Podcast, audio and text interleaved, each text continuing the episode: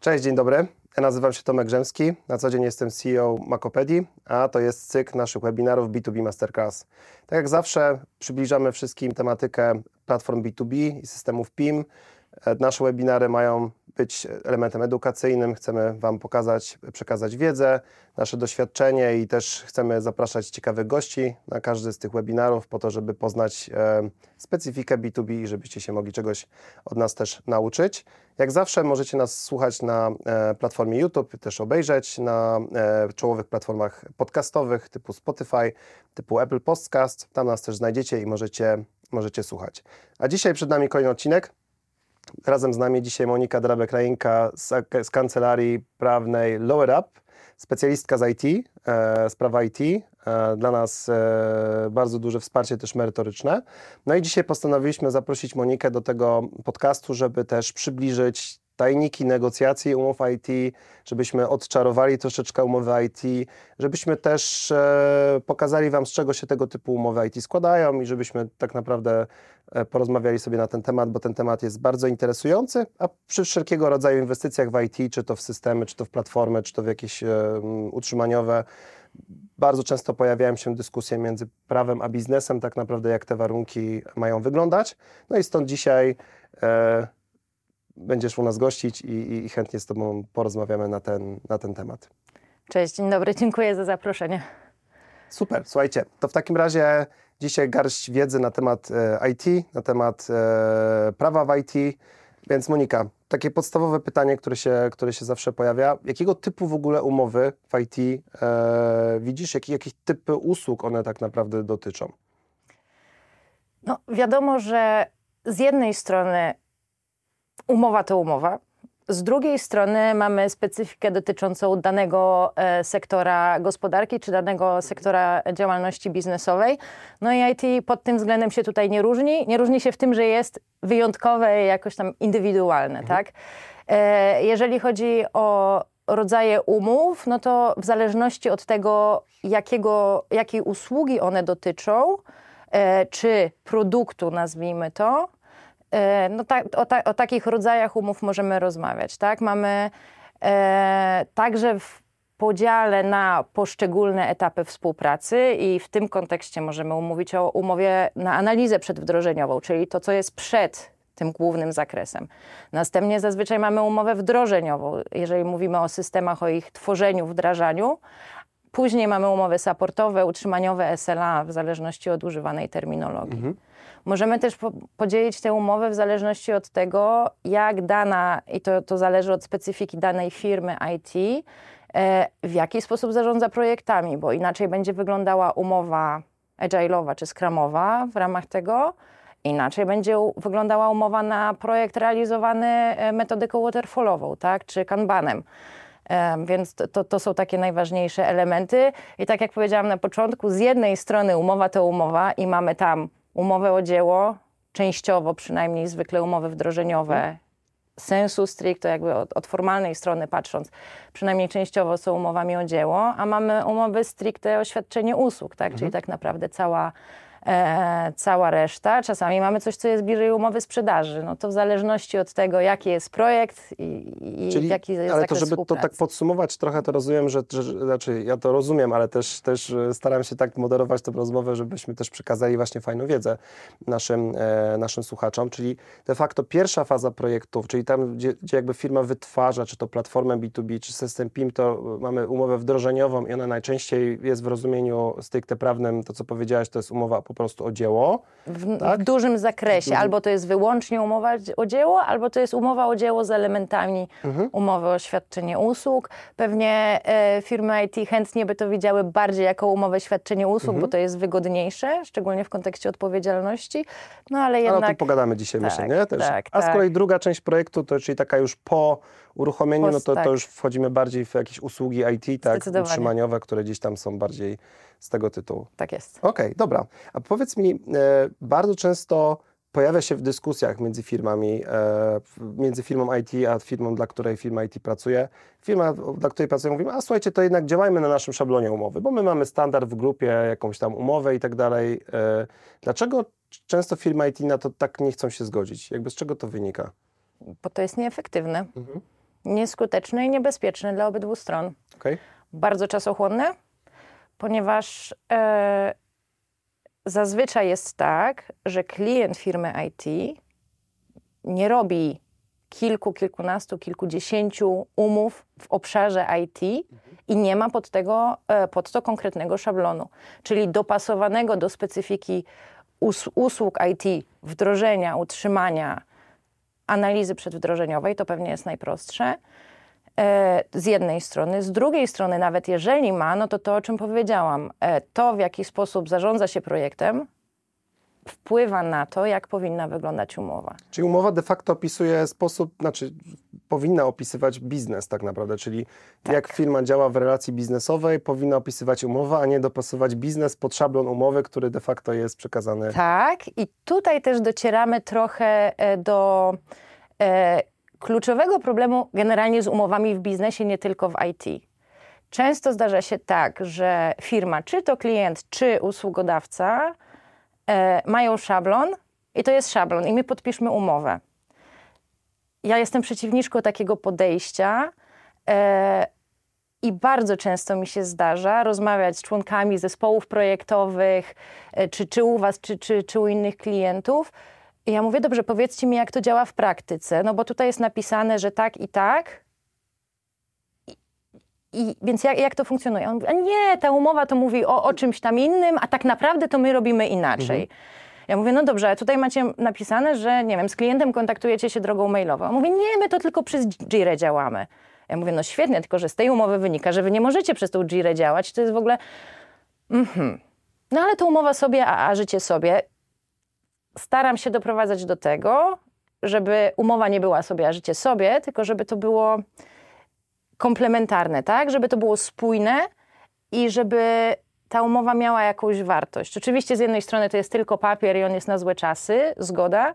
Z drugiej strony e, ja też trochę widzę ten etap negocjacji umów, rozmawiania i o warunkach biznesowych, i o tym, co jest wpisane w umowie, jako taki etap e, dogadywania się stron, wyjaśniania i rozumienia, bo często jest tak, że klient nie rozumie, jak dany projekt IT będzie realizowany, bo tak. klient nie wie, na czym to polega, bo nigdy wcześniej tego nie robił, albo robił mhm, to ktoś inny.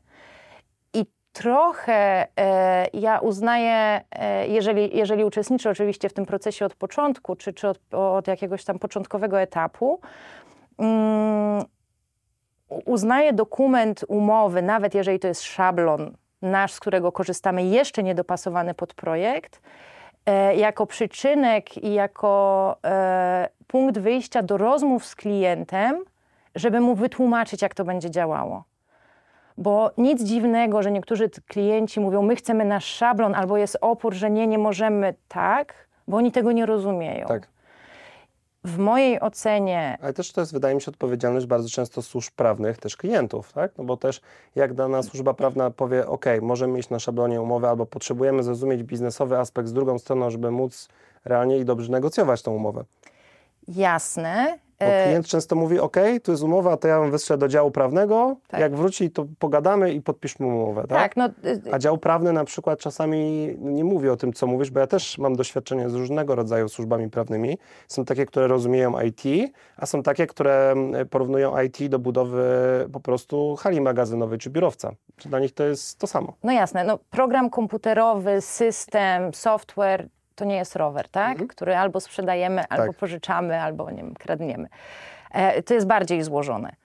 E, dlatego w mojej ocenie ten, ten pierwszy etap jest kluczowy z perspektywy tak naprawdę też budowania relacji pomiędzy e, dostawcą usług IT czy rozwiązań IT, a klientem. Bo jeżeli tam nie będzie transparentności, jeżeli tam nie będzie dosyć dogłębnego zrozumienia tematu i tego, jak to powinno funkcjonować i w jaki sposób dany projekt będzie realizowany, to później pojawią się problemy. Dlatego ja lubię rozmawiać od początkowego etapu, mimo że jestem tym nudnym prawnikiem, który tylko generuje kłopoty, no może nie do końca, bo łatwiej jest na początku klientowi wytłumaczyć, dlaczego my nie mamy określonego zakresu, stricte dokładnie w punktach, gdzie możemy sobie po kolei odhaczać. A dlaczego e, to jest w taki, a nie inny sposób zapisane? A dlaczego my wszystkiego nie wiemy? No, nie zawsze wszystko wiemy, tak? I dopiero kiedy, kiedy klient oczywiście też e, e, ten, ten dział prawny jakby zrozumie. Ciężko oczekiwać, bo jeszcze, jeszcze wracając do tego, co powiedziałeś, ciężko oczekiwać, żeby wewnętrzny dział prawny klienta, który działa w branży, nie wiem, budowlanej czy nie wiem, jakiejś kompletnie innej niż IT i robi umowę związaną z projektem IT może raz na rok, a może tak. po raz pierwszy od 10 lat, żeby to rozumiał. E, z drugiej strony to jest odpowiedzialność, bo, bo klient ma wewnętrzne procedury, tak. wewnętrzne wymogi, wewnętrzne wytyczne, polityki i tak dalej, i tak dalej. I oczywiście jak to się jeden do jeden przełoży na, na umowę, e, na projekt IT, no to nam wychodzi jakiś koszmarek i potworek i się okazuje, że biznes nie może iść do przodu i że nie ma możliwości realizacji projektu przy zaaplikowaniu wszystkich tych zasad, które się sprawdzają na przykład w relacji tego naszego klienta z ich klientem tak końcowym, tak? Mhm. E, więc tu, tu jest potrzebna elastyczność, tu jest potrzebna chęć zrozumienia, otwartość. E, no i dla mnie, jeszcze raz powtórzę słowo kluczowe, transparentność. I to, to z mojej perspektywy to jest misja, e, że, że, że te umowy, które my chcemy, my mówię jako, jako spółka IT, czy przedstawiamy klientowi te nasze szablony, one nie są po to, żeby coś schować, uch, ukryć i wykombinować. One są dlatego naszymi szablonami, dlatego na to naciskamy, że one są po prostu, przepraszam, dostosowane do tego, co my robimy. I jako dostosowany e, zestaw postanowień adresują tematy, które są istotne w danym projekcie i tym samym znowu zabezpieczają obydwie strony. Z doświadczenia mojego jest tak, że faktycznie najczęściej w, w, relacji z firmami IT jest tak na zasadzie, że jest oferta, jest, jest e, dogadanie się szczegółów. Nie ma tego fazy porozmawiania o tym, a jak ten projekt będzie wyglądał. Wszystkie jakby techniczne rzeczy są w umowie i de facto biznes nie widzi tego procesu. I dopiero prawnik przychodzi i mówi, słuchajcie, ale tak jak mówiłeś o tym, że będzie, będziecie dostawali pytania mailem, albo w Jirze, albo w jakichś takich rzeczach. Brakuje tej rozmowy bardzo często. Ja też widzę czasami po drugiej stronie, jak zamawiamy usługi IT, że jest po prostu oferta na wykonanie jakby czegoś, i dopiero de facto już jestem dzisiaj nauczony, że należy czytać umowę, ale biznes musi czytać umowę, żeby zrozumieć, ok, to będzie się odbywało tak, że co miesiąc będą nam coś prezentować, co dwa tygodnie będziemy coś odbierać, gdzieś będziemy mieć jakąś gwarancję roczną, dwuletnią, półroczną, nie będzie tej gwarancji, tam są jakby te wszystkie szczegóły, nie? I myślę, że to są dwie rzeczy, z jednej strony taką, myślę, że taką, taką myślą jest to, że z jednej strony służby służby prawne powinny bardziej pomówić biznesowi, to wpierw porozmawiajmy o tym, jak biznesowo ta, form, ta, ta umowa będzie wyglądała, zanim zaczniemy ją kreślić. Tak. Ustalmy biznesowo, jak chcemy działać między sobą co do terminów, spotkań, tych rzeczy, czy to jest akceptowalne. Z drugiej strony firmy IT też zanim de facto wejdą w negocjacje umowy IT, też powinny przedstawić jasno, jak będzie ten proces wyglądał w wdrożeniu. Nie, czy to będzie praca co miesiąc, co dwa tygodnie, jak to, to będzie się wszystko odbywało, nie? No jasne, trzeba pamiętać o tym, że, że klienci wasi często po raz pierwszy realizują taki tak, projekt. Tak, I tak. dla nich to jest kolokwialnie mówiąc czarna magia. Tak Oni nie wiedzą, kim jest Scrum Master, a, tak a co to znaczy sprint, a czym jest iteracja. E, co tak naprawdę oznacza ten harmonogram i, i dlaczego my nie mamy pięcioletniej gwarancji tak nagle, jest. tak? Na wszystko. I, I tak długo, jak nie będzie rozmowy na poziomie biznesowym, projektowym, ale w takiej, w takiej otwartości, bym powiedziała, i, i chęci zaprezentowania, jak, jak to powinno działać, to będzie trudno tę umowę realizować. Znaczy, nawet nie umowę, trudno będzie realizować projekt. I paradoksalnie e, takie podejście może doprowadzić do sytuacji, kiedy taki dokument, tę umowę, ten papier trzeba będzie wyciągnąć. Dokładnie. Bo, bo nie, nie jest tajemnicą, ani to nie jest żadne odkrywcze stwierdzenie, że te umowy są na tak zwane złe czasy. Tak? Dopóki strony się dogadują, dopóki współpraca idzie, no to ten dokument sobie leży tam w szafeczce albo na mailu, w zależności od tego, jak jest tam zawarty i, i nikt do niego nie zagląda. E, dopiero w momencie, kiedy nam się projekt zaczyna rozjeżdżać i któraś ze stron zaczyna być niezadowolona, bo a to nie ma płatności, a to ktoś nie dowozi, a to jest inaczej niż myśmy się umawiali, a to z drugiej strony klient y, oczekuje jakichś zmian, nie w takim trybie, w jakim powinien, nam to rozwala pracę. E, albo klient y, patrzy na harmonogram, czy pamiętał, że był taki harmonogram, że do dzisiaj to już miało być dowiezione, a my jesteśmy w zupełnie innym miejscu, a nie rozumiał, na czym na przykład polega e, często, czy zazwyczaj skramowo działacie, tak? Mhm. Czy, że, że, to działa inaczej niż waterfall, czy tak. inaczej jak oni, ten klient sobie mógł to wyobrażać i że tam jest pewna elastyczność, duża elastyczność, duża dowolność i ten harmonogram jest, ale niekoniecznie on jest taki sztywny, jak klient to zakładał. I ciężko winić klienta, no bo skąd on miał wiedzieć, jak to, jak, jak ten, no on ma napisane, że dzisiaj będzie dowiezione, to dzisiaj ma być tak. dowiezione. A to, że po drodze cztery razy zmienił zdanie, rozszerzył zakres tak o jest. 50% albo o 150%, no, no to, to, to, się powinno było wydarzyć w tym czasie. No nie, to tak nie funkcjonuje. I fajnie jest porozmawiać na początku, żeby zrozumieć. No i tu szczególnie jest ważne, żeby biznes się porozumiał tak naprawdę, bo jedno to jest umowa, jeśli wejdziemy w spór, czy faktycznie dwie strony się porozumieją, bo potem przechodzimy na jeszcze bardziej skomplikowany temat, czyli, czyli sąd, który umowę IT też może bardzo rudnie rozsądzić, no bo też z kolei, tak jak mówimy o służbach prawnych, które mają nie wszyscy mają doświadczenie w IT, tak samo możemy trafić na sędziego, który, który w sprawie gospodarczej na końcu dnia rzuci kostką i stwierdzi, kto miał rację tak naprawdę, nie? Takie sytuacje. No nie wiem, czy kostką może tak nie, no, daleko żartuję oczywiście. nie poszła. No ja nie mogę ja tak nie, zażartować. Ja jest, nie może jestem prawnikiem, chciała, więc mogę, ale... Ale, e, ale tak, oczywiście. No, do, doświadczenie życiowe e, każdego człowieka jest ograniczone do tego, co faktycznie przeżył. przeżył. Tak? Mhm. Jeżeli, jeżeli taki sędzia, który, który będzie orzekał w sprawie, nie ma pojęcia, czym jest projekt IT, co to znaczy wdrożenie, a, a w ogóle jest online... tak do końca też, nie? Bo to często tu a z umowy to wprost nie wynika. Tak albo, albo z umowy wynika co innego, nie daj Boże, na, niż to, na co strony się umówiły, tak jest.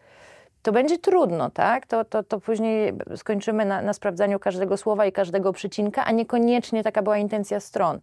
Niby intencja stron powinna być wiążąca, jeżeli mamy wątpliwości mhm. co do interpretacji, ale ja jednak uważam, że lepiej jest napisać to, co strony faktycznie chcą ustalić i żeby to miało odzwierciedlenie na, w dokumencie, niż no niż później kończyć w sądzie, bo po co? No dobra, to słuchaj Monika, taki kolejny temat, który wydaje mi się, że jest interesujący.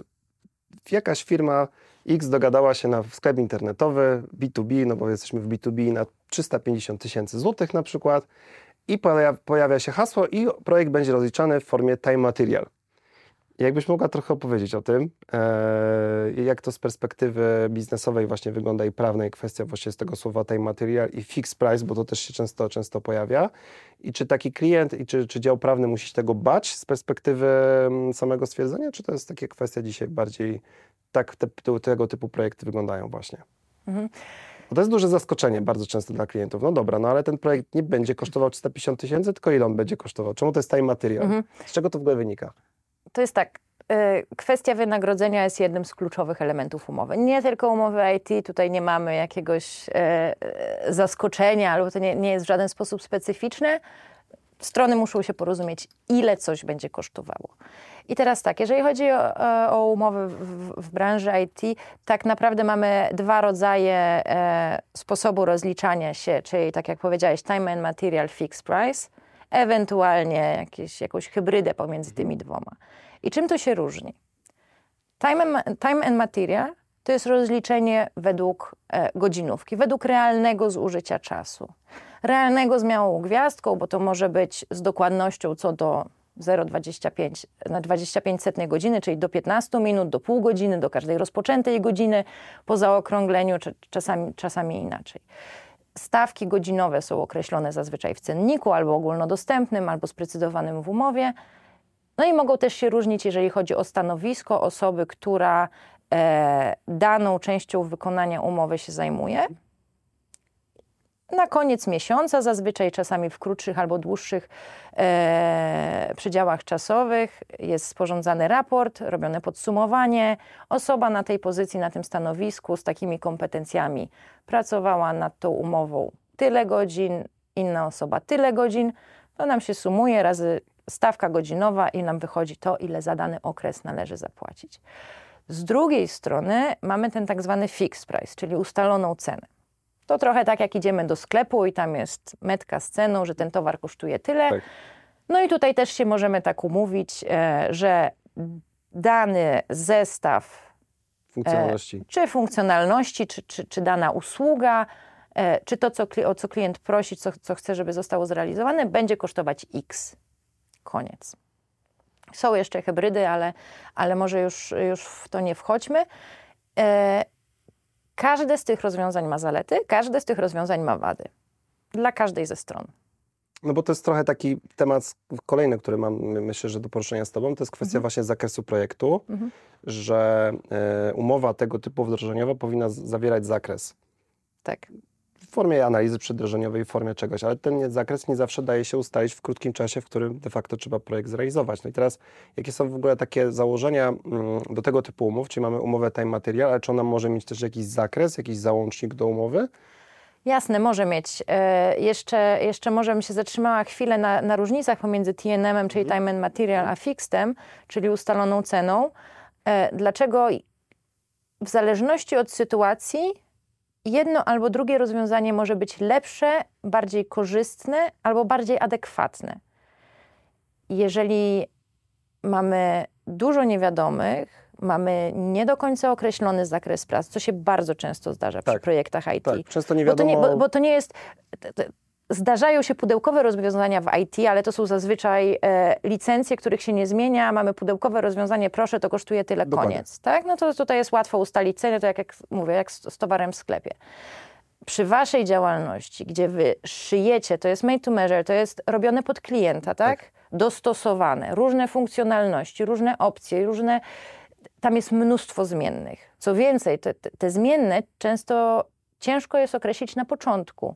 Przy negocjowaniu umowy, przy ustalaniu zakresu prac, my możemy mieć generalną wizję tego, jak dane oprogramowanie, dany system ma wyglądać, jak ma funkcjonować, do czego ma służyć, w trakcie realizacji często się okazuje, że klientowi dana funkcjonalność albo przestaje się podobać, stwierdza, to jednak jest niepotrzebne, albo w drugą stronę.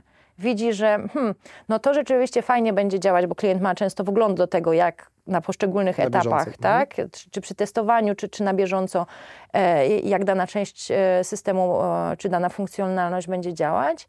I mówię, hmm, jeżeli to tak dobrze działa, to może dodajmy jeszcze kolejną, tak? A czasami się okazuje, że infrastruktura klienta jest nieodpowiednia do tego, żeby dane rozwiązanie Integracje są niejasne. To jest najczęstszy taki temat. Są też czynniki, faktory zewnętrzne, tak? czy, czy komponenty zewnętrzne, które wpływają no to, na to, co się da zrobić, a na, co, na to, czego się nie da zrobić, albo jak bardzo czasochłonne to jest. Albo projekt na przykład nie ma w ogóle warstwy wizualnej jeszcze gotowej. W na trakcie budowania to, to, warstwy to wizualnej UX-u tak? zaczyna być dopiero wyglądać, ile tak. to będzie kosztowało tak naprawdę tak. lub na bieżąco.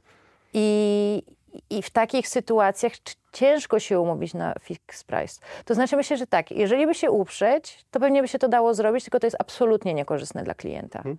No, no, no bo co wy zrobicie? Czy dowolny inny podmiot? Czy co ja zrobię, kiedy klient do mnie przyjdzie i powie zrób nam proszę umowę, no i tutaj opisuje zakres. I to jest umowa szyta na miarę pod tego klienta, z którym jeszcze pewnie będę 20 razy rozmawiać. Dokładnie to jest analogia jak, jak u was. A mówi, ale ja chcę mieć stałą cenę. No to co ja powiem takiemu klientowi? Sobie pomyślę, mówię, no z mojego doświadczenia to wynika, że to powinno mi zająć 20 hmm, godzin, no ale nie wiem, jeszcze nie znam klienta, nie znam tego, co jest dookoła, z kim ja będę pracować, no to mu powiem pewnie ze 40, I to jest tak? moment buforowania godzi... się dużego, dokładnie. No, bo ja muszę założyć buforów, bufor z mhm, bezpieczeństwa. Mhm, tak. Z drugiej strony być może takiemu klientowi wygodniej jest założyć, że to będzie kosztowało tyle, nawet niech to będzie prawdopodobnie dwukrotność ceny, która by wyszła na TNM-ie, czyli po, po, po tych tak zwanych godzinówkach, bo on ma wtedy święty spokój i wie. Czy to ekonomicznie jest lepsze rozwiązanie? Trudno powiedzieć. Bo pojawia tak? się kolejny temat, pojawia się temat magicznych cerek jeszcze. Tak? Czyli mamy projekt, nawet fixed price podwó tak. z podwójnym budżetem, no bo jest bufor, ale pojawiają się zmiany w tym projekcie. No i teraz, mimo że już mamy podwójny bufor i, i, i jakby drogi projekt z perspektywy tak. potencjalnej różnicy, no pojawia się CRK, czyli zmiana zakresu. Change request. Czyli change request. Tak. I to często się pojawia przy, mod przy modelu fixed price, tak. nie? Tak byś mogła właśnie powiedzieć no tak. z perspektywy prawnika, jak wygląda właśnie kwestia tych cerek też tak naprawdę, bo no to, to jest... To nam trochę wywraca jakby proces, tak? Bo jeżeli mamy fixed price, jesteśmy dogadani na cenę i na zakres, to wszystkie zmiany po, po drodze powodują, że my znowu musimy usiąść do stołu i znowu się dogadać. I czasami dogadać się jest trudniej albo z jednej, albo z drugiej strony, bo klient może mieć już napięty budżet albo nie mieć za dużo przestrzeni, Tak. a jednak bardzo by chciał. A z drugiej strony, z Waszej perspektywy, z perspektywy usługodawcy czy, czy, czy tego podmiotu, który dostarcza rozwiązania IT, e, może być sytuacja, kie- kiedy taki do, dostawca będzie sobie próbował e, jakby gdzieś tam w to wcisnąć inne rzeczy, bo na przykład wcześniej nie doszacował projektu. E, więc e, tutaj mamy od nowa jakby proces negocjacyjny otwarty. Musimy się dogadać, musimy zazwyczaj aneksować umowę. Niekoniecznie, to, to, to ja też często zwracam na to uwagę, że mm, dobrze jest zazwyczaj, nie zawsze, ale zazwyczaj, generalizując, kiedy te umowy są maksymalnie elastyczne. To znaczy, kiedy nie musimy zwoływać całego, całej narady, żeby zmienić jedną drobną rzecz. Tam, gdzie to jest wystarczająco bezpieczne dla obydwu stron, dobrze jest zachować formę dokumentową zamiast formy pisemnej, którą bardzo wiele osób e, pracujących na umowach przekopiowuje z umowy na umowę. I jest jak w napisane forma pisemna pod rygorem nieważności. Koniec tematu. I my musimy mieć prezesa jednego, prezesa drugiego, albo i dwóch członków Tak. zarządu, albo prokurenta, którzy muszą usiąść, wziąć długopis w dłoń, ewentualnie teraz jest łatwiej, no bo mamy kwalifikowany Mhm. podpis elektroniczny, ale to w zależności od branży. Zakładam, że u Was wszyscy mają, Coraz więcej. ale, ale po stronie klienta już niekoniecznie, Niekoniecznie. tak? Czyli bierzemy długopis, podpisujemy, wysyłamy sobie do siebie wzajemnie panem listonoszem te, te, te dokumenty i dopiero wtedy to jest wiążące. Trochę absurd. Przy usługach IT i rozwiązaniach online nowych, gdzie my się nawet spotykamy online, wszystko się dzieje online. Nagle mamy listę polecanych. Nie ma on-site'owych usług, nie chodzicie do siedziby klienta, często, czasami Tak. chodzicie, tak? Ale Czasami nie widzimy go fizycznie na żywo, nie? No. To jest, to jest, mieliśmy takie projekty. myśmy się też dawno nie widzieli, więc też jest online. Natomiast chcę powiedzieć ciekawą rzecz, to ostatnio się dowiedziałem, że w branży budowlanej funkcjonuje coś, co się nazywa Open Book. I to jest nic innego jak time material praktycznie w, w IT. I że ten model już się zaczyna też pojawiać właśnie w innych branżach, nie? że po prostu po, generalnie wykonawcy, którzy budują, działają w tak zwanym modelu Open Book, czyli też przedstawiają koszt od podwykonawców, umawiają się na jakiś tam procent wynikający z logistyki, czy wynikający po prostu z obsługi budowy i takie modele się pojawiają po prostu już też w innych branżach. Tak. No, to, to daje większą elastyczność e, w przypadku rozwoju projektu, Tak. większą adekwatność tego wynagrodzenia do tego, co zostało realnie zrobione. Em, Być może z perspektywy klientów wydaje się, że to, nie wiem, daje pole do jakichś nadużyć, do, do, do jakiegoś nadbilowywania, do zwiększania wynagrodzenia. Znaczy mówmy się szczerze, bo takie były informacje z rynku i są firmy, które nadużywały tej materiał. Natomiast ja też zawsze stoję na takim stanowisku, że jeśli firmy są doświadczone i pracują długo na rynku i, faktycznie mają te referencje, e, które też są czasami oparte, albo często oparte o ten materiał, takich firm według mnie nie należy się obawiać, tak? No bo naszym celem też y, firm takich jak nasza nie jest tak naprawdę bilować nieskończoność projektu czy klienta, bo jakby zdajemy sobie sprawę, że każdy ma na końcu jakiś budżet. A kiedy każdy przychodzi po powiększenie budżetu, no to zawsze jest pytanie o efekty i rezultaty. To gdzie my jesteśmy z tym projektem? Więc dla nas tak naprawdę, teraz może mówię jako w formie autoreklamy, tak? ale nam zależy na tym, żeby każdy projekt odpalić jak najszybciej. Bo szczególnie projekty B2B, cyfrowych transformacji, które często wiążą się z dużym ryzykiem upadku projektu, e, gdzie często też osoby nie kibicują tym projektom, tak? No bo mówią, no na pewno się nie uda. No my działaliśmy zawsze tak, więc ten nowy projekt się nie uda. I przychodzi jakaś odważna osoba do organizacji i mówi, ja to zrobię. Zaczyna wszystkich przekonywać, działy prawne, działy sprzedaży, działy wszystkich po kolei, że zrobimy platformę e-commerce B2B i wszyscy mówią, no jak, gdzie nie da się, bo przecież ceny, bo przecież rabaty i tak dalej. Więc taka osoba potrzebuje jak największy i jak najszybszy sukces tak naprawdę w tym projekcie, nie? Więc tak naprawdę ten model time material to też nie jest taki często model, nazwijmy to w pełni formalny, to znaczy, że żeby skończyć projekt, to musimy wszystko zrobić, tylko model time material zakłada, że faktycznie no, wszystkich celem jest to dojść do MVP, to czy tak się pojawia, tak, żeby to jak najszybciej uruchomić, bo ta druga strona wtedy też ma argumenty, żeby przedłużać współpracę, dzi- działać dalej, no bo sama de facto osiągnęła sukces, nie? Nie, no jasne, takie podejście e, tego nieuczciwego, nazwijmy to podejście, to nie jest specyfika branży IT. Każdej Tak branży. samo prawnicy działają na, Tak, na, na na TMN, godzinówkach, na godzinówkach, czy, czy doradcy podatkowi, czy jeszcze mnóstwo, mnóstwo innych do zawodów. To, to jest krót, krótkowzroczność. Tak jest. Znaczy, To znaczy, ocenie trzeba być- organizacja, która naciąga na timelogach, to jest bardzo szybki początek końca i w zasadzie zamknięcia firmy, nie? Absolutnie. Znaczy to, to, to pewnie, nie wiem, albo to jest, wychodzi z jakiegoś tam, nazwijmy to, cwaniactwa, co Tak. będzie zawsze krótkoterminowe, bo przecież to wyjdzie. Wyjdzie wcześniej czy później. Bo, bo wcześniej czy później przyjdzie moment, kiedy klient powie sprawdzam. Tak. Pójdzie do innego dostawcy, zweryfikuje. No to, no, to ten inny dostawca mu powie, no panie, kto, kto panu to tyle czasu robił? Przecież to jest na dwie godziny roboty, dlaczego tutaj jest 20 godzin? To, to jest bar, bardzo szybka weryfikacja, to jest jedna rzecz. E, druga rzecz, e, świetny punkt ten, ten, ten, o którym powiedziałeś wewnętrznie z perspektywy klienta, e, że w takich sytuacjach dobrze jest, jak projekt idzie szybko i sprawnie i widać efekty, bo to wewnętrznie e, jakby pomaga, dokonuje takiej legitymizacji tego, tej decyzji, tak? Szczególnie jeżeli mówimy o czymś nowym, o wejściu, o, o wejściu w, w cy- cyfryzację, w online. Często rzeczy dotychczas nieistniejące po, po stronie klienta, fajnie jak to szybko można złapać, bo, bo dzięki temu jest uzasadnienie i, i o tym powiedziałeś. A to, o czym jeszcze, jeszcze oprócz tego myślę, e, to to, że z waszej perspektywy, z, perspektywy do, dostawcy rozwiązań IT, siedzenie u jednego klienta na jednym projekcie jest bezsensowne z dwóch powodów. Jeden powód jest taki, że jest jakby energia musi przepływać, tak? To, to, to się musi zmieniać, musi być ruch. Jak wy będziecie zamrożeni u jednego klienta na jednym tym samym projekcie, no to, to tracicie kolejnego i kolejnego i kolejnego, bo macie, ma, macie tam ludzi. Nie możecie iść dalej, nie możecie robić czegoś nowego, nie możecie się rozwijać, nie możecie zaistnieć w, na większej ilości, jakby w większej ilości e, miejsc gdzieś indziej.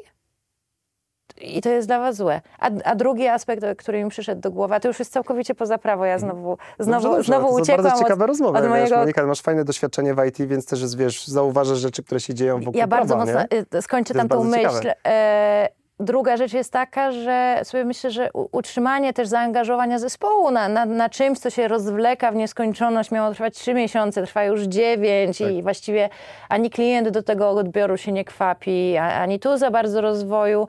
To jest strasznie trudne, więc to, to jest e, wbrew interesom, e, interesom wszystkich. E, tak, to, to Znaczy, wynika z tego, że to moje gadanie dookoła, że ja bardzo mocno jestem osadzona w biznesie. To znaczy, to, to co wyjdzie spod tego mojego pióra czy klawiatury, to, to jest jakiś e, jakby kolejny krok, tak? Ja zawsze, zawsze jak zaczynam współpracę z, z nowym klientem albo na jakimś nowym rodzaju projektu, e, ja lubię zrozumieć, o co tam chodzi. Jak to ma działać. Bo jak ja wiem, jak to ma działać, to ja, papier przyjmie wszystko, Tak tak. Możemy napisać wszystko. Tylko jak to ma być niekompatybilne z rzeczywistością, no to w sumie trochę bez sensu nawet pisać. Wiesz co, mm, ale tak naprawdę pojawiają się też takie tematy e, w tych umowach, które ja zresztą widzę jakby najczęściej są takie, nazwijmy to może elektryzujące. Gwarancja rękojmia, kary umowne, też to najczęściej się pojawiają. Jakbyś, wiesz, myślę, że wiele osób może nie do końca jakby też rozumie różnicę między gwarancją a rękojmią. To może jakbyś trochę też op- opowiedziała, bo często nawet jako konsumenci też nie, nie widzimy Tak. tej różnicy. To może sobie od tego zacznijmy, jakby wiesz, w takich trzech zdaniach nieprawniczych, jakby co to, co, czym jest gwarancja, czym jest rękojmia. A potem jakby, żebyśmy się zastanowili, jak to jakby wpływa na, na taką umowę wdrożeniową IT, nie? Że Tak. miał działać koszyk, nie działa. I czy to jest gwarancja, czy to jest rękojmia, czy taki dostawca usług IT powinien to naprawić, czy nie naprawić, jak się nie da dodać produktu do koszyka właśnie. Mhm. No i tak, tutaj, tutaj mamy To możemy Nie- kolejny odcinek zacząć, Nie, tak? tak, o, możemy, możemy zacząć kolejny odcinek i tutaj specyfika projektów IT nam e, mocno będzie wybrzmiewać i ewentualny brak zrozumienia klienta albo e, podejście dostawcy IT, bo projekt IT to nie jest rower. Wdrożenie to nie jest rower. Tak. System to nie jest rower. To, to nie jest takie proste. Łatwo jest kupić rower w sklepie, a potem powiedzieć, o, nie działa. Rama się złamała po jednym dniu, albo nie wiem, brakuje pedału, albo Tak. coś tam innego. To jest bardzo proste. Łatwo jest to stwierdzić, łatwo jest przyjść, zareklamować, kolokwialnie mówiąc, czy, takim po, potocznym językiem mówiąc. E, no przy projekcie IT to już nie jest takie proste. Ale dobra, zacznijmy od początku. Gwarancja, Gwarancja rękojmia. Czym to się Czym różni to się różni? To się różni tym, skąd to się bierze i gdzie to jest uregulowane. najprościej mówiąc. Rękojmia to są uprawnienia nabywcy, zamawiającego w tym przypadku, tak kupującego w przypadku mhm. takiego roweru, e, czy zamawiającego zazwyczaj w przypadku umów IT, e, to co prawo daje, to co jest napisane w kodeksie, to można sobie ten kodeks otworzyć i przeczytać. Co się dzieje w sytuacji, gdy to, co my kupiliśmy, dostaliśmy, jest niezgodne z tym, na co żeśmy się umówili. Czyli ma tak zwaną wadę. Mhm. No i wada może być albo fizyczna, znowu w przypadku roweru bardzo proste, w przypadku oprogramowania i takich rozwiązań już nie do końca, e, albo prawna. No tutaj jest Podobnie, podobny poziom komplikacji w obydwu przypadkach, to mhm. znaczy, że ten rower to już był kogoś innego, a nie tego, kto mi go sprzedał, no to jest kłopot, tak? E, a w przypadku oprogramowania, no, siedział sobie pro, programista, znalazł coś gdzieś w internecie, wziął sobie kawałek, sadził do tego oprogramowania i nagle ktoś albo czcionkę sobie wziął, bo była, tak. bo się dało ściągnąć, no to ją wziąłem, sadziłem, a potem przychodzi ten właściciel czcionki i mówi, no ale zaraz, dlaczego wy z tego korzystacie, dlaczego wy w waszym, nie wiem, sklepie internetowym macie moją czcionkę, tak. nikt mi o tym nie powiedział. No i to tutaj, tutaj wada prawna. Więc rękojmia mamy napisane w kodeksie. Z drugiej strony mamy gwarancję, też tak samo jak przy rowerze. Mhm. E, gwarancja wynika z umowy, a tak naprawdę nie z umowy, tylko z jednostronnego oświadczenia podmiotu udzielającego gwarancji. I gwarancja może mieć dowolny zakres. Dowolny. Jak sobie ten podmiot, który dobrze, ja będę gwarantował, stwierdzi, że chce i tak to, to, co obiecał, no to to powinien Bo tu nie dostarczyć. obowiązują przepisy takie konsumenckie, nie? Nie, znaczy nie ani, nie, nie, ani konsumenckie, ani żadne inne. Gwarancja jest po prostu jednostronnym oświadczeniem podmiotu udzielającego gwarancji, który mówi, ja się zobowiązuję, gwarantuję, że jeżeli wystąpi taka, taka albo taka sytuacja, to ja wtedy zrobię to i to, okay. pod warunkiem, że to nastąpi w określonym czasie. I warunkach. Bo zazwyczaj tak, bo zazwyczaj to, co mamy w gwarancji, jest określony zakres gwarancji. Czyli jakie sytuacje albo jakie wady są tą gwarancją objęte. Albo w drugą stronę, co jest spod tej gwarancji wyłączone. To jest jeden element. Drugi element, co w przypadku, gdy do takiego zdarzenia, czy do takiej sytuacji, czy do takiej ujawnienia takiej wady dojdzie. Co się wtedy dzieje? Czego ten klient nasz może od nas żądać? Czy my musimy dać nowy rower? Czy my musimy mu dać naprawiony rower? Czy, czy dać rower na czas naprawy na przykład? Czy dać na przykład rower na czas naprawy? Czy może oddać mu połowę pieniędzy? Bo, bo to są tak zwane to, świadczenia że... gwarancyjne. No i, i, i, dalsze warunki ograniczenia takiej gwarancji, no to zazwyczaj zawsze właściwie jest czas, przy umowach IT czasami miesiąc, czasami trzy, czasami rok, raczej bardziej w granicy miesiąc-trzy, w zależności jeszcze od, od, tego, jakiego klienta mamy po drugiej stronie. E, I czasami ograniczenia terytorialne, ale to, to mi się nie zdarzyło jeszcze w przypadku, w przypadku um, IT. IT, żeby jakieś ograniczenia terytorialne były. No bo to, to, to, tutaj właściwie nie ma, no to mogło, mogłoby mieć zastosowanie przy tym rowerze, tak, że, tam, że tylko u nas, a nie, a nie na całym świecie. No to, to jak mamy, tak, jak mamy gwarancję na jakieś tam popularne urządzenia elektroniczne, no co się chwalą, że jest cały świat tak obejmuje tak ta gwarancja. No tutaj nie ma, nie, nie, nie są potrzebne ograniczenia terytorialne. I teraz tak, um, trudno powiedzieć, co jest lepsze, co jest gorsze jednoznacznie. E, czasami jest tak, znaczy inaczej, zazwyczaj w umowach IT, jak już je tak nazywamy, roboczo, wyłącza się rękojmie. A wynika to z tego, że to, co jest dostarczane na podstawie, czy w ramach takiej umowy wdrożeniowej, na przykład, to nie jest ten rower, mhm. tak? I dojście do tego, jak z tej rękojmi skorzystać i czy to jest, to jest bardzo trudny proces. On jest nietransparentny, dlatego ja nie lubię mieć rękojmi.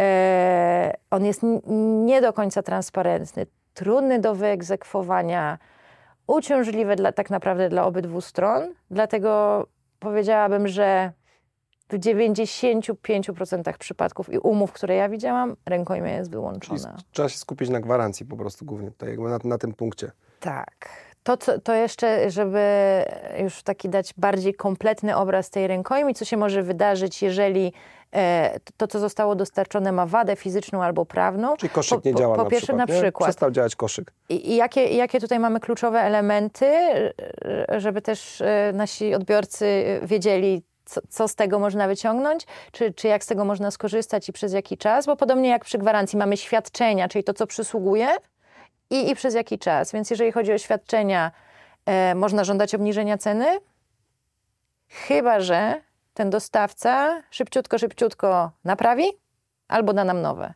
No i teraz pytanie, jak dostarczyć nowe oprogramowanie? Nie wiadomo. Na dyskietce. Na dyskietce, tak. E, I ograniczenie czasowe, co do zasady dwa lata i w ciągu roku od wykrycia wady należy takie roszczenie zgłosić.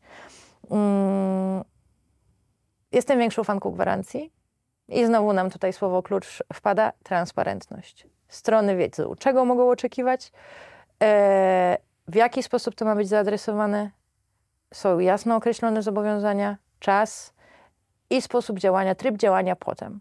Na przykład SLA przy gwarancji. Mhm. Zdarza się.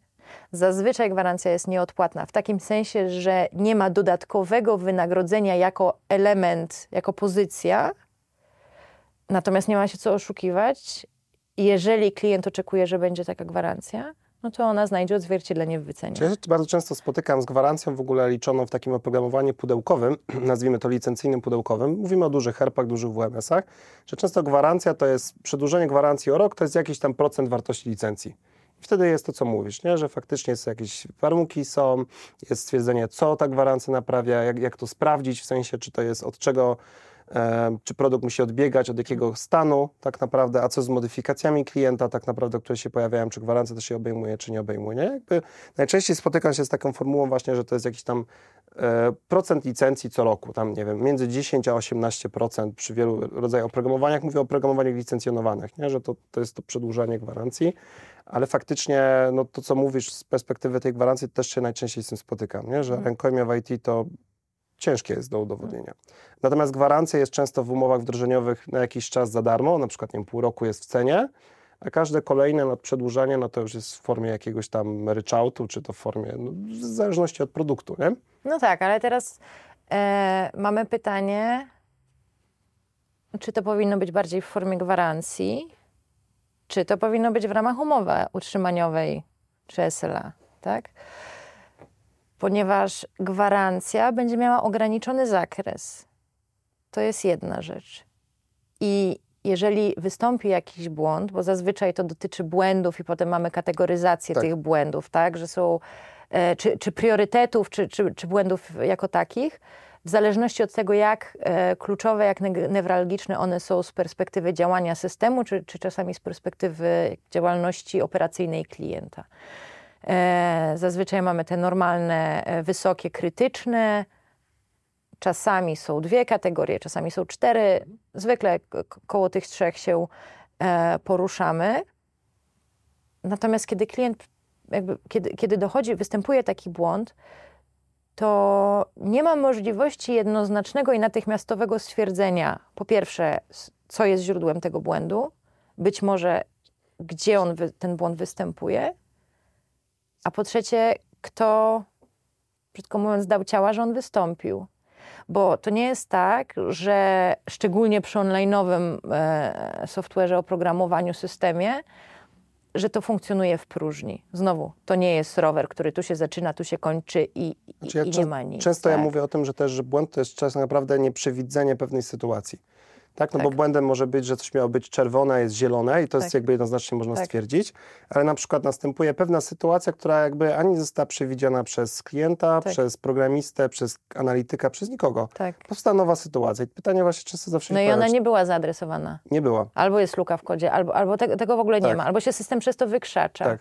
No i czyja to jest wina klienta, który źle określił, o co prosi? Tak, albo dokument się na przykład zaciął między systemem RP a e-commerce'owym. Nie wiadomo Na w sumie dlaczego, tak? A się okazuje, że no bo jakaś była sytuacja, która spowodowała, że to się zakleszczyło. Nie? Ale e, właśnie i, i, i, i tak jak powiedziałam, system nie działa w próżni. Mamy elementy, mamy komponenty. Czasami działamy w oparciu o jakieś gotowe bazy i do tego jest nadpisywane i dopasowywane do potrzeb klienta.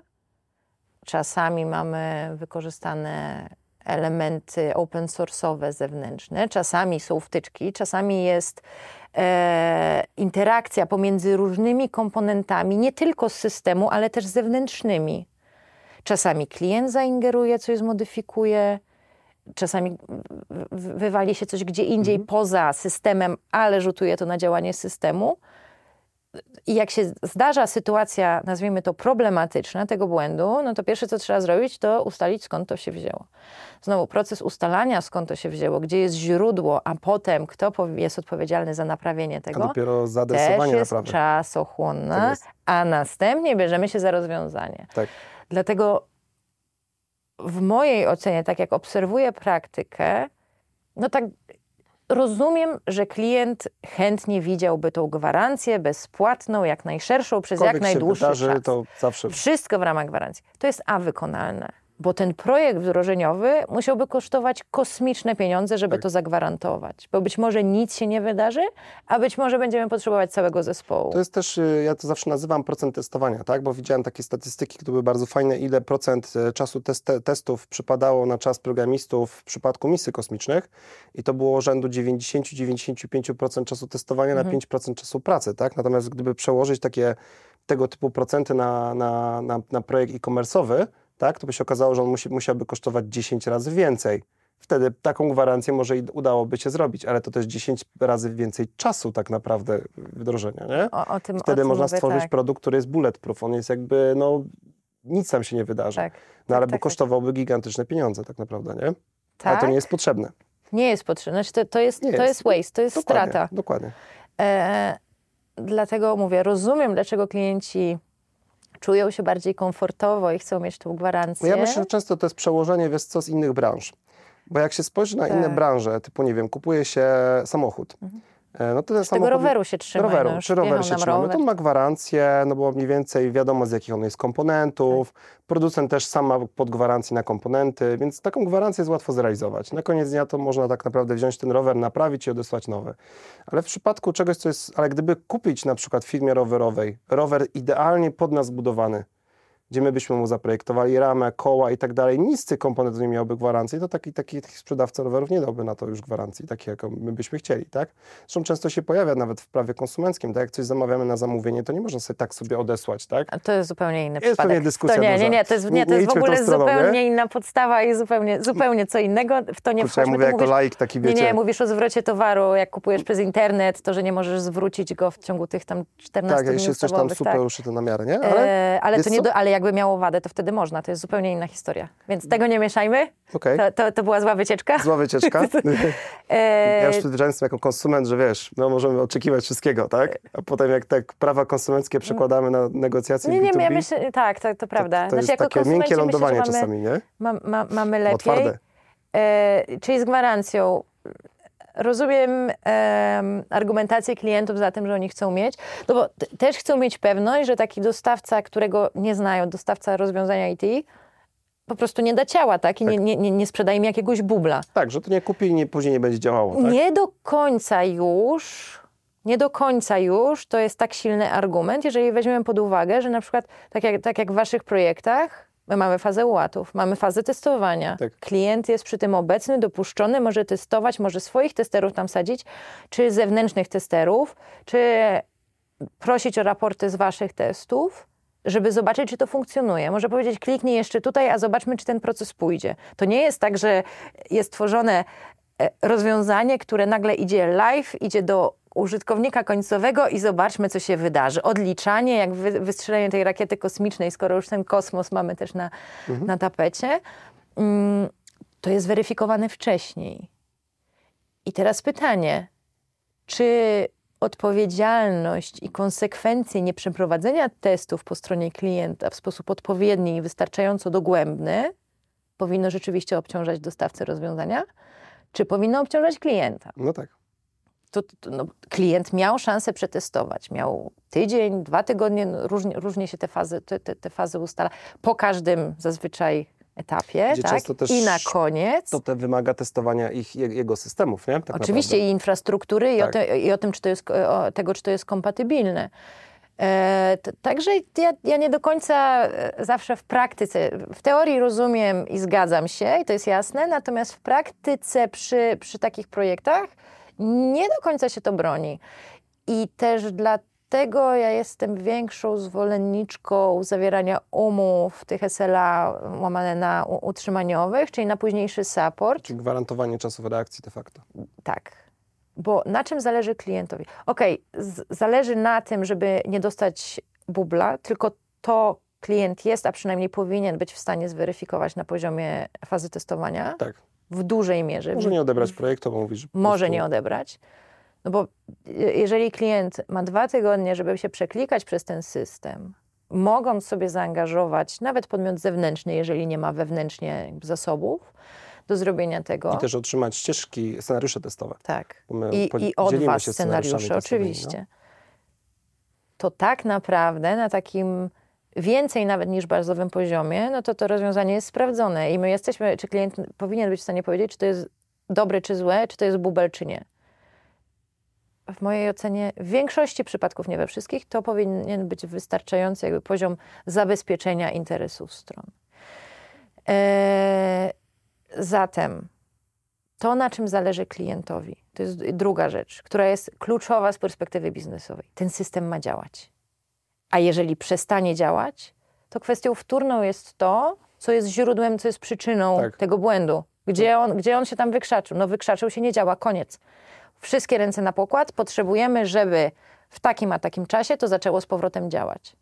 I w zależności od tego, jak dany e, system czy aplikacja, ja mówię zbiorczo, tak, czy rozwiązanie e, czy system e, jest kluczowe z perspektywy procesu biznesowego klienta, czy to jest e-commerce zewnętrzny trafiający do, do, do klienta końcowego, czy to jest bardziej wewnętrzne rozwiązanie, czy to jest tylko pomocnicze, czy to jest korowe, główne, e, główna rzecz, z której klient w ramach procesu biznesowego korzysta, często sprzedażowego, w zależności od tego tak powinny być ustalone SLA. Bo trzeba pamiętać o tym i to często, ja to widzę w procesie negocjacji, nie? że tak naprawdę każdy prawnik, a to może nie każdy, bo to może nie chcę generalizować, ale bardzo często prawnicy, z którymi my negocjujemy, oni pierwsze co by chcieli, żeby wszystkie czasy były 2-4 na 7, czasy reakcji 15 minut i tak dalej. Tylko ja zawsze powtarzam o tym i to może po- podzielę się swoją myślą, że to co powiedziałaś, każdy system ma swoją, e, swoje godziny pracy. Tak. Jeśli mamy system, firma pracuje od 8 do 16, to ich wewnętrzne systemy, wewnętrzne, jakby to powiem, muszą być dostępne od 8 do 16. Jeśli jest platforma B2B i ci klienci główni też kupują między 8 a 16, to trzeba sobie zadać pytanie, czy my potrzebujemy mieć weekendowe dyżury. Tak. Bo jeśli firma ma dać 24 na 7 i czasy reakcji godzina e, w soboty na niedzielę, to wyobraźcie sobie, że po drugiej stronie musi być ktoś, kto dyżuruje który faktycznie, jeśli powiemy, że skutecznie ma naprawić, to znaczy, że to musi być programista, który dyżuruje w nocy z soboty na niedzielę, tak? Co to oznacza dyżur programistów? To musi być osoba, która zna ten projekt, ma na komputerze środowisko programistyczne, jest w stanie wejść, zrozumieć, wydać w nocy z soboty na niedzielę taką poprawkę, tak? Więc jakby siłą rzeczy to jest droga usługa. E, I często jest ona tak negocjowana na zasadzie wykreślenia w, w, w umowie tak, tych, tych czasów, ale te czasy de facto składają się na to, że ktoś po drugiej stronie musi dyżurować, żeby utrzymać te czasy reakcji. I to jest, wydaje mi się, zawsze kluczowe i to też staram się zawsze powtarzać, że w przypadku umów SLA, czyli tych, gdzie faktycznie są te czasy reakcji, no kluczowe jest to okienko serwisowe. W jakich godzinach ten system ma działać jest krytyczne.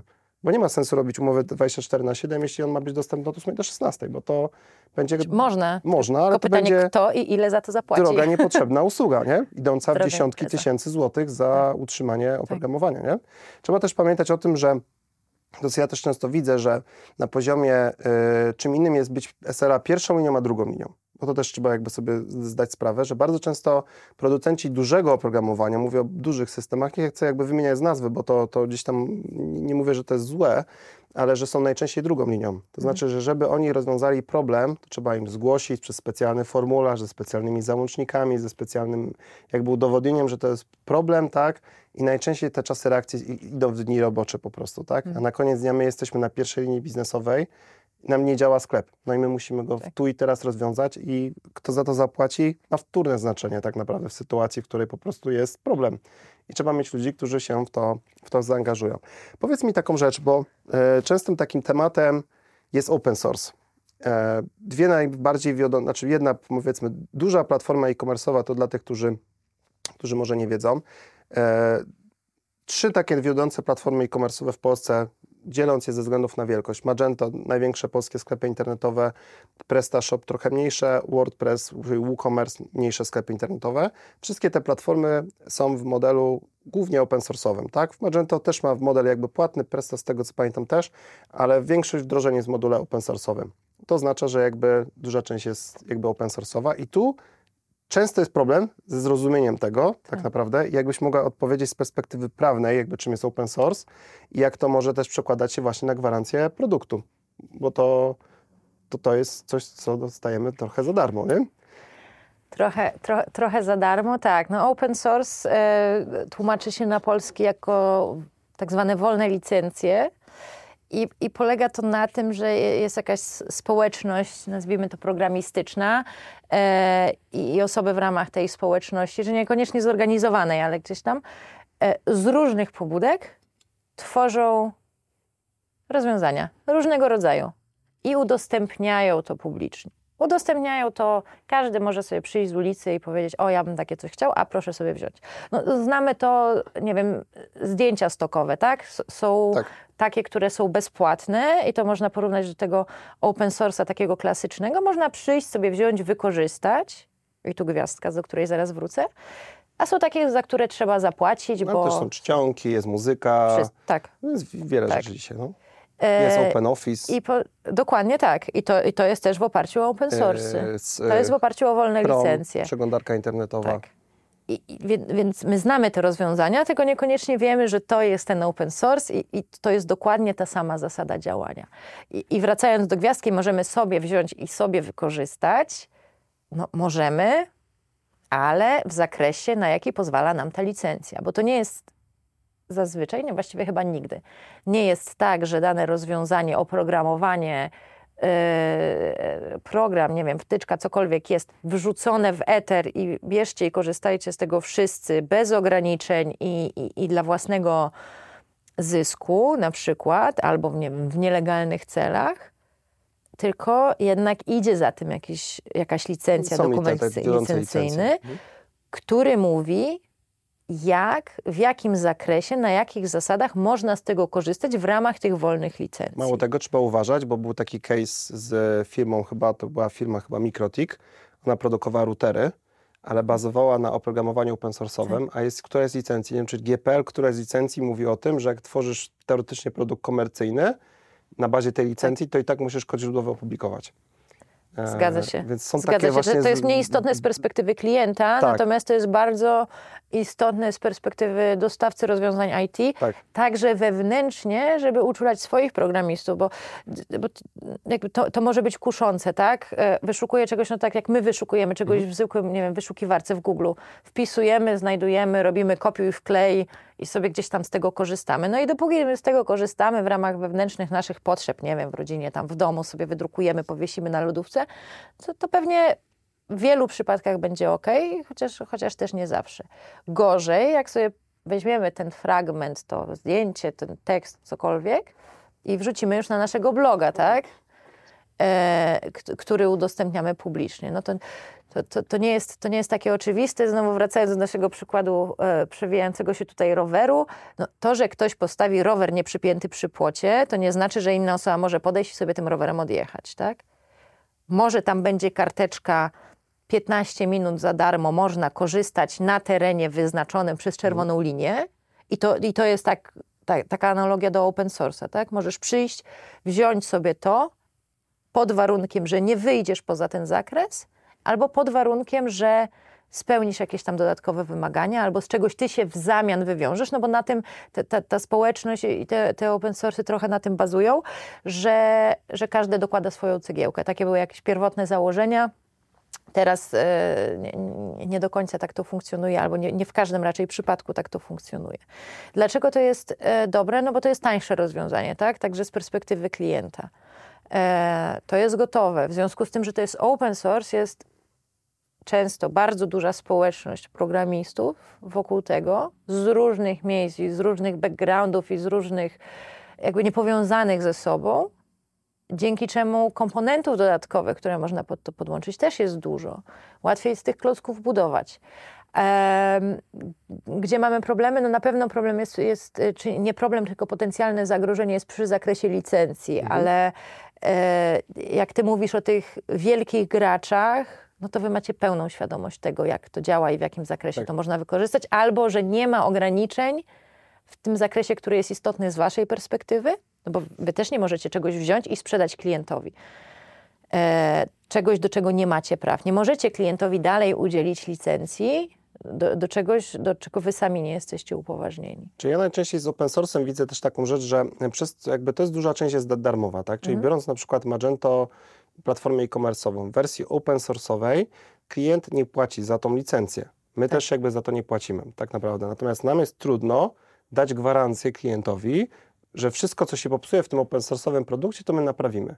I najczęściej tak. my wyłączamy tą gwarancję i robi cała to branża jakby tak. w zakresie open source'owych produktów i tu jest bardzo duże niezrozumienie, jakby zawsze, tak? No bo klient ma poczucie, że płaci za wdrożenie, ale jakby nie ma tego, tej informacji, najczęściej jakby ona jest, ale jakby jest tutaj pewne niezrozumienie najczęściej, że jako, że ten główny klocek, na którym bazujemy jest darmowy, no to tam nie możemy dać gwarancji. Jeśli tam się coś popsuje, no to będziemy musieli to po prostu komercyjnie zrealizować, tak? No bo nikt nie jest naszym gwarantem, tak jak właśnie mówimy o rowerze, tak? Mhm. Jeśli w firmie rowerowej popsuje się przerzutka, no to ta firma może pójść do sprzedawcy przerzutek, powiedzieć, słuchaj, ten komponent, który jest w moim rowerze, no nie działa.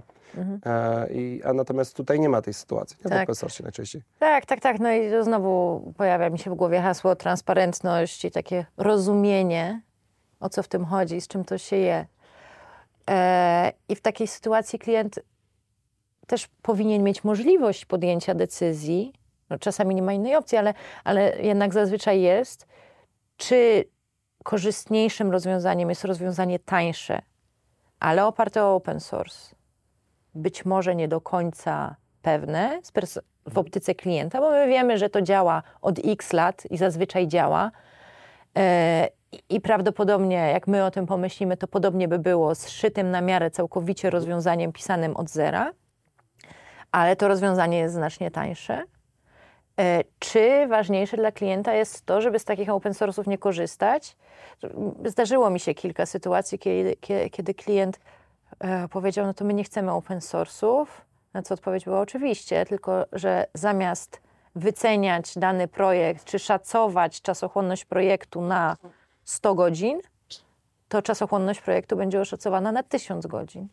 Bo coś, co już istnieje, jest napisane, mówię o kodzie e, do danego rozwiązania, my możemy albo wziąć cegiełki, te cegiełki odpowiednio ze sobą poskładać, dodać do tego, obrazowo mówiąc, nie wiem, mosty czy, czy, czy warstwy kleju, które te cegiełki ze sobą połączą i sprawią, że one będą świetnie razem funkcjonować no i to na logikę jest znacznie łatwiejsze. To tak jak trochę jak budowanie, mieliśmy e, pokazać różnicę pomiędzy branżą budowlaną a IT, ale może tak jak budowanie mm, domów z tych gotowych tak, elementów konstrukcyjnych. No, łatwiej jest postawić dom z tych te ściany, które żeśmy wyprodukowali wcześniej, to złożyć, niż iść cegiełka po cegiełce tak. i każde ziarenko piasku od nowa. I to jest tak. trochę taka różnica pomiędzy open source'em, tak. który jest prefabrykatem i w części jakiejś gotowy, versus pis pisanie kodu od nowa. Okay. Ale to decyzja klienta, tak? tak? No, można napisać od nowa, tylko z drugiej strony po co wyważać otwarte drzwi? Może tak jest bezpiecznie, jasne. Można wtedy przynieść prawa w całości na klienta, nie tylko udzielać licencji. No bo jak mamy open source, no mamy licencję, którą my jako dostawca jakby dostajemy, albo bezpośrednio ona idzie do klienta, ale to jest licencja. Jeżeli dostawca e, rozwiązania IT pisze coś od początku, tworzy od początku, od zera, no to wtedy można przynieść prawo. Nie ma problemu. W całości wszystko klientowi oddać. Często też, naj, znaczy najczęściej też my nie mamy świadomości, ile jakby rzeczy wokół nas jest w open source i też nie czytamy bardzo często jakby na przykład, nie wiem, warunków gwarancyjnych na telewizor, o, na lodówkę i tak dalej. Jakby tam się wczytać, to są te różne klauzule się pojawiają, których po prostu no, nie mamy świadomości. Media społecznościowe, warunki korzystania, no przykładów Dokładnie. jest mnóstwo, tak? Du w dużych systemach operacyjnych e, jest tyle wykluczeń, że tak naprawdę jak coś się popsuje, to my jakby nie mamy Albo żadnego prawa. Je, jeszcze ważne warunki ubezpieczenia. Tak samo. Ile, ile, ile osób czyta OWU? Dokładnie. Jak podpisuje umowę ubezpieczenia, nie wiem, na samochód czy na mieszkanie. Przecież kto dochodzi do tych OWU? Do OWU to ja rzadko dochodzę. Ale najczęściej jest, Ja- człowiek ja dochodzi, czytam, jak się ale- coś wydarzy, nie? Jakaś tak, szkoda tak, jest, tak. nie? Słuchaj, a taki ostatni temat, który, który, który gdzieś tam faktycznie nam mm, przychodzi do głowy, to jest kwestia takich najczęstszych błędów popełnianych podczas sporządzania umów w branży IT. Och, temat rzeka. No, a taki najczęstszy rzeka. jakiś... O, rety. E, No, gwarancja, rękojmie to już mieliśmy. Czy własność Tak. intelektualna? Czy tam czujesz, że... Błędy? Hmm. Czy przy własności intelektualnej to o czym należy pamiętać, jak mamy przeniesienie praw albo licencję wyłączną, mm, polskie przepisy wymagają i umowę pod prawem polskim, no to musimy mieć formę pisemną. Ona jest zastrzeżona przez przepisy pod rygorem nieważności, to znaczy, że jak tej formy nie będzie, no to tak jakby tej umowy nie było. Okej. No to, to jest trochę kłopot wtedy. E, więc warto zwracać na to uwagę. E, myślę, że, myślę, że to takie ogólne, e, ogólne hasło właśnie dopasowania umowy do rodzaju projektu. Okej. Tak? To jest jedna rzecz. Druga, nawet nie przy sporządzaniu samej umowy, tylko bym powiedziała, że przy negocjowaniu jej. Mhm. Bo jeżeli jest duże niezrozumienie tematu i brak takiej otwartości, elastyczności po drugiej stronie, i to niestety zazwycz, zazwyczaj, nie zawsze, e, po stronie prawników jest, tak? Którzy, którzy, tak jak już powiedziałam, mają swoje wytyczne i się ich trzymają. no może nam to wywalić proces, tak? Może, może doprowadzić do tego, że te negocjacje umowy zamiast trwać powiedzmy tam, nie wiem, miesiąc, dwa, dwa tygodnie, e, będą trwały przez rok. I też miałam takie projekty, bo Są projekty, że brak- się projekt kończy szybciej niż umowa. Zdarza się nieraz i potem jest trochę, i, i potem znowu jest trochę problem, żeby, żeby tę umowę sensownie podpisać, a podpisać trzeba głównie, głównie dla bezpieczeństwa klienta. Tak, a to są kwestie i księgowe, i, i bo, właścicielskie. bo to, i- że jest ustalone wynagrodzenie, o którym strony rozmawiały mailowo, to dostawca jest zabezpieczony. Jeżeli to zostało potwierdzone, my nie potrzebujemy dokumentu, my nie Tak potrzebujemy podpisanego papieru. Ale klient, żeby na przykład właśnie mieć przeniesienie praw własności Czy podstawa intelektualnej, amortyzacji tak naprawdę projektu. no to, to, to już są kwestie księgowe, w które Bo ja też, bo też nie, projekty nie IT można amortyzować, jeśli przechodzą prawa autorskie Tak, nie? Na, tak. na, na zamawiającego. Nie? Więc, yy, więc tutaj jest pytanie, no, gdzie jest najważniejszy, bo jeżeli mamy mieć gwarancję, która jest bardziej e, transparentna, w związku z tym prawdopodobnie bardziej korzystna dla klienta, no to dopóki my tego nie, Tak. nie ustalimy i nie dogadamy, no to tego nie będzie. Więc wa- warto, warto wcześniej się tym zająć. E, czy jeszcze jakieś błędy? Hmm. Nie, ma najbardziej chyba to nie- niedopasowanie, niedopasowanie umowy do, do realiów Mhm. projektu, tak? I takie blokery praktyczne właśnie, te formy pisemne, gdzie możemy spokojnie mailem coś dogadać. E, luki jakieś, albo, bar, albo z jednej strony zbyt duża elastyczność, czyli pozostawione luki i potem strony dochodzą do tego momentu i, i mówią, a ja myślałem tak, a ja myślałam inaczej i tu mamy, i tu mamy problematyczną sytuację, którą nie bardzo wiadomo jak rozwiązać, albo z drugiej strony nadmierna sztywność. No bo ciężko jest często uregulować wszystko na początku, jak my jeszcze nie wiemy. Tak. Więc ten proces rozmowy, dogadywania się, dokonywania ustaleń, zarys, to powinno być uregulowane możliwie nawet nie tyle szczelnie, co klarownie, żeby strony miały pewność, na co się umawiają. Proces e, change requestów, o których wspomniałeś, czyli prośby o zmiany, jak to działa, czy kiedy trzeba, kiedy można, w jakiej formie to zrobić, żeby nie rozwalić pracy. No, dużo, dużo jest takich elementów, e, na, na które trzeba zwracać uwagę. Są elementy w tych tak zwanych przez nas, e, mówię, roboczo umowach IT, które są identyczne czy analogiczne jak w innych umowach. Wiemy, że musimy mieć jakiś tam przedmiot umowy, znaczy przedmiot, o, o co w niej chodzi, to na pewno. Musimy mieć wynagrodzenie, Jakiś zazwyczaj e, jakiś tam zakres albo sposób i tryb jego ustalania, bo to też jest e, często stosowane rozwiązanie. Mm, no mamy też często odbiory, co już niekoniecznie jest em, e, charakterystyczne dla innych umów. Zazwyczaj mówimy o poufności, właściwie zawsze, chyba Zawsze, że no. mamy osobną NDA-kę. To jest z perspektywy klienta ważne. E, dla, dla poczucia bezpieczeństwa i Jest powierzenie danych osobowych, ale to będzie dane osobowe, ale to wiem, że macie osobny Tak. odcinek, co mnie bardzo cieszy, Zapraszam, bo będzie odcinek gadać. o, o danych osobowych powierzeniu, nie? Tak. Z takiej perspektywy praktycznej. Tak. No i określamy no, takie, takie bazowe rzeczy, tak, osoby do kontaktu, mamy, e, mamy często wybór e, właściwego sądu dla jednej, dla drugiej strony. E, to, to zawsze idą korekty, tak z automatu. Jak Ja piszemy, też- że też- nasze, to druga strona pisze, że ich. Tak. Ja, ja, ja zazwyczaj stoję na stanowisku, że fajnie jest tam wpisać, bo zgodnie z przepisami, jak mamy, jak już dochodzi do tego sądu, no to, to, to siedziba pozwanego, czyli tej strony, która rzekomo zrobiła nie tak. E, Ja, zawsze tłumaczę, mówię, no to jest z przepisów. e, Wydaje się, że może, może logiczniejszym jest i takim bardziej komfortowym jest siedziba powoda, czyli ten, który musi iść do tego sądu i swoich praw Tak. dochodzić. Nie zawsze to jest podstawne, ale, ale, ale takie założenie przyjmujemy. Ale nie, chodzenia do sądu co do zasady nie polecam. Lepiej e, poświęcić więcej czasu na negocjacje umowy, na ustalenia biznesowe i na, i na zrozumienie tego, jak to ma działać w praktyce i odpowiednie uregulowanie tego, niż później em, kierowanie sprawy do sądu, bo to jest bardzo czasochłonny e, proces, e, generuje niepotrzebne koszty. Ja myślę, że też w sytuacjach sporów trzeba jednak próbować zrozumieć dwie strony. Jasne. E, I wtedy faktycznie ten spór można szybko rozwiązać, nie? Bo tak jak się na stronę spojrzy literalnie w umowie, w umowę, niezależnie od tego, co było po ich stronie i tak samo dostawca, tak? Spojrzy literalnie w umowie, też nie patrząc na swoje gdzieś tam niedociągnięcia, tak. no to nigdy taki spór się Wiesz, nie ja, rozwiąże. ja, myślę, że to y, znowu pewnie truizm to będzie, ale w, w, w tych e, projektach biznesowych IT czy, czy wykony, w ogóle wykonywaniu umów to trochę jak w życiu. To znaczy rzadko kiedy jest tak, że tylko jedna strona jest tą Tak. winną i Tak. tą, która jest niedobra, Tak. a, a, a- druga jest krystalicznie czysta. Bo okej, może się zdarzyć, że e, dostawca rozwiązania IT czegoś nie dowiezie, jest za późno, albo jest nie tak, jak sobie to klient wyobrażał.